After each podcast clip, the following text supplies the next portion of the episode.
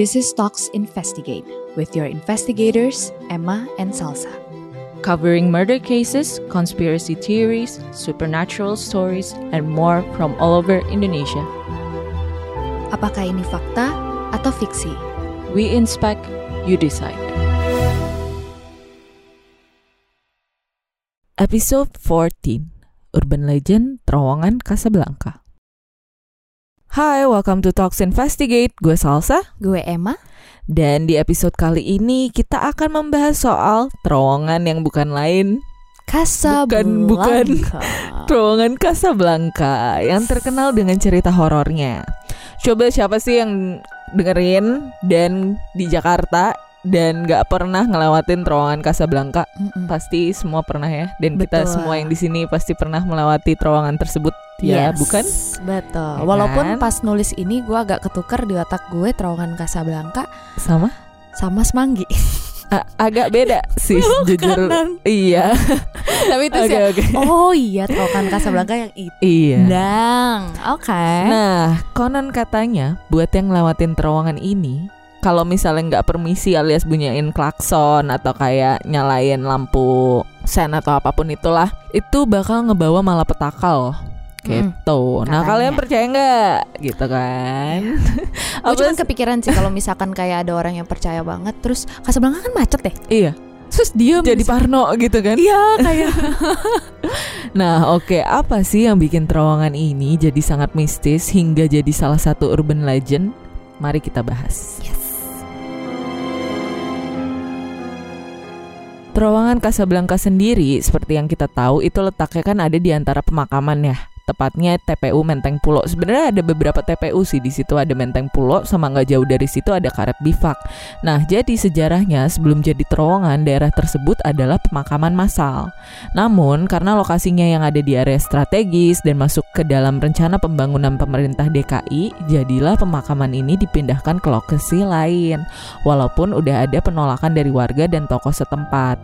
Katanya ada jenazah yang masih utuh dan gak sempat dipindahkan, alhasil tertimbunlah dengan konstruksi bangunan terowongan ini. Kalau ingat episode kita yang ngebahas Menara Saidah Mhm. Beda-beda tipis. itu. Iya benar mirip. Iya, berarti dari episode yang kemarin minggu lalu Mm-mm. aku menambahkan tiga poin. Apa tuh? Kan- Sosok, ya. gamelan. Hmm. Satu lagi apa sih? Lupa eh. eh, Sosok, gamelan.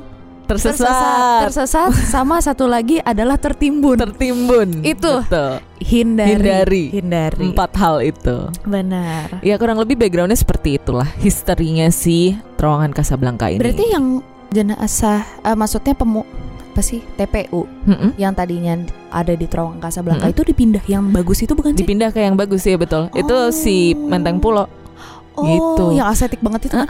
Nah, Oh. tapi ada yang bilang juga itu tadinya tuh bukan kuburan massal, bukan Menteng Pulo gitu kan. Cuma ada yang bilang itu tuh Menteng Pulo tapi dibagi jalan tengahnya.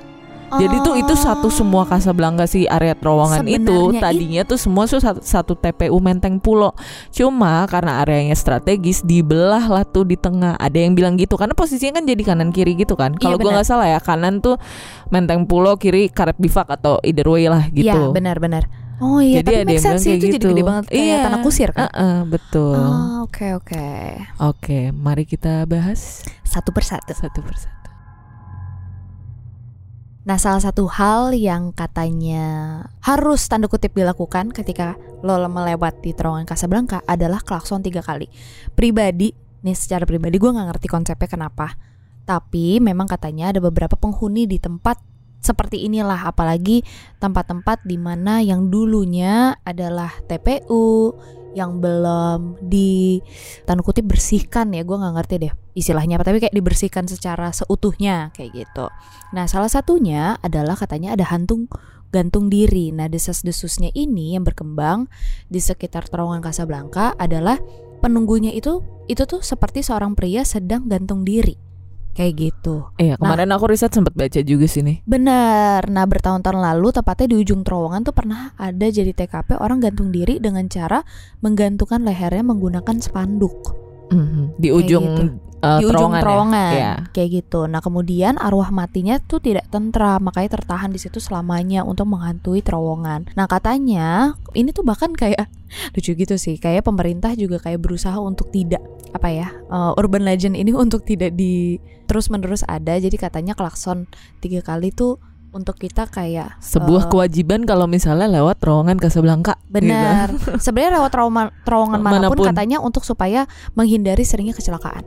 Oh iya. Katanya gitu. Jadi kayak klakson kayak gitu. Tapi urban legendnya sebenarnya adalah untuk menghormati atau permisi lah sama si penunggu-penunggu atau eh, yang ada di sana lah sosok-sosok yang di sana. Beberapa orang percaya juga dengan hal ini karena katanya gitu supaya kenapa kita harus menghormati supaya mereka nggak gangguin kita karena Iya. kan bahaya kan lagi Iya. nyetir terus tiba-tiba diganggu Mm-mm. seperti itu Cuma di mana pun sih ya maksudnya kayak kalau kalau kayak di Bali gitu ya orang lewat pura kan itu harus klakson oh, atau kayak tempat sembahyang apa pun lah gitu.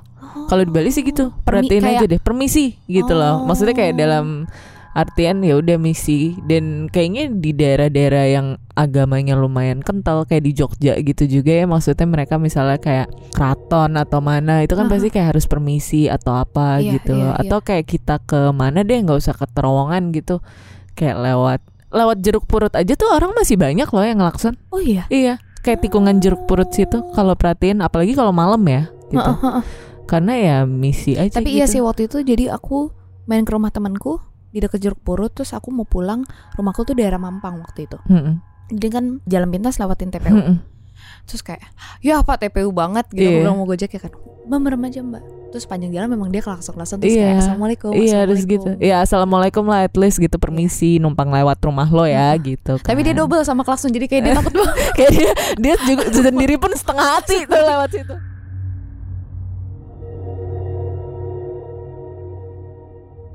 Nah lanjut. Kalau tadi Emma udah ngebahas tentang eh, Ya kita harus permisi Terus habis itu sering terjadi kecelakaan Juga disebabin sama ada hantu yang getayangan di situ Dan diganggu segala macam. Makanya kita harus permisi dulu Kalau lewat terowongan Casablanca. Di sini gue akan ngebahas tentang hantu-hantu yang getayangan di sana dan ada sedikit cerita mistisnya lah ya. Karena bisa dibilang sebagai lokasi dalam tanda kutip terkutuk, terowongan ini sering jadi tempat kejahatan kan. Ya. Salah satunya sebagai tempat pemerkosaan yang dilakukan oleh sekelompok pemuda yang menggilir gadis hingga meninggal dunia dan mayatnya dibuang begitu saja. Nah konon katanya hantunya ini pun jadinya gentayangan menyerupai nenek-nenek wujudnya. Gitu itu salah Aku baru satu tahu case-nya. ini. Tahu? Enggak, Oh kamu nggak tahu? Oh, Oke, aku juga nggak tahu. Baru tahu kemarin pas riset. Oh nah, tapi ini udah kayak beberapa tahun lalu lah, udah Iya. lama lah, mungkin Udah hampir kayak jadi 10 urban sampai lah 20 tahun lalu gitu. Nah, terus kayak yang Emma udah jelasin juga kan di sana sering terjadi kecelakaan. Nah, sebabnya tuh ya banyak per- yang percaya karena memang banyaknya dalam tanda kutip gangguan yang ada di situ karena para pengendaranya tuh sering ngelihat hantu gentayangan. Jadi mereka kurang fokus kan dan terjadilah kecelakaan itu gitu. Nah, beberapa hantu yang dipercaya menjadi penunggu di terowongan Casablanca adalah sosok hantu gantung diri yang tadi Emma udah bilang. Katanya hantu ini kan adalah salah satu penunggu di sana yang pria tewas itu. Ya. Terus habis itu ada juga kuntilanak merah. Berdasarkan pernyataan para saksi mata yang pernah berjumpa langsung meet and greet nih dengan si Miss K merah ini, katanya sosok yang satu ini itu makhluk yang sangat agresif dan terbang sangat cepat. Jadi bisa lalu lalang aja tuh di terowongan gitu. Iya. Ini bukan Miss K putih ya, udah beda level nih. Iya. Tahu kan kalau merah tuh di atas putih. Iya iya, aku tuh eh, dekat rumahku Hmm. waktu itu cuman kedatangan Miss K putih. Oh. Jadi dia cuma duduk manis aja, nggak terbang-terbangan. Kan Oke. memang gitu kan katanya Iya, Miss K kalau putih, putih gitu. Kalau Miss K merah lebih Beda cerita nih. Miss K lebih, katanya bener-bener lebih jauh lebih agresif dan kayak geraknya lebih cepat dan dia kayak yang Dia nyamperin eh, gitu orangnya gitu. Iya, kan. yang gitu. Kalau Miss K kan nunggu aja terus kita Uh-uh, ketawa gitu. Betul. Nah, terus ada juga nenek pembawa maut yaitu adalah si korban pemerkosaan yang tadi gue bilang yang berubah wujudnya jadi nenek ini. Konon katanya menjadi penyebab banyaknya kecelakaan yang ada di sana lah. Cuma ya kita nggak bisa nyalahin si nenek ini satu ini ya. Pasti kan banyak juga nih penunggu-penunggu lainnya yang akhirnya menyebabkan kecelakaan-kecelakaan di sana atau juga bisa memang pengemudinya yang kurang fokus atau memang Benar. nyetirnya capek atau Kecelakaan pada ngantuk lah. iya gitu bisa juga kita nggak bisa menyalahkan dengan karena penunggu-penunggu yang di sana juga lah maksudnya Terus abis itu banyak juga orang-orang yang melihat sosok ini dan bilang kalau misalnya mengganggu perjalanan mereka sehingga terjadilah kecelakaan dan menyebabkan maut. Hmm. Itulah deretan eh, penunggu-penunggu yang bergentayangan dan beberapa cerita mistis yang ada di terowongan Casablanca. Kalau nggak salah beberapa waktu lalu terowong bener terowongan Casablanca nggak ya? Aku takut salah deh. Yang dijadiin kayak horror recreation.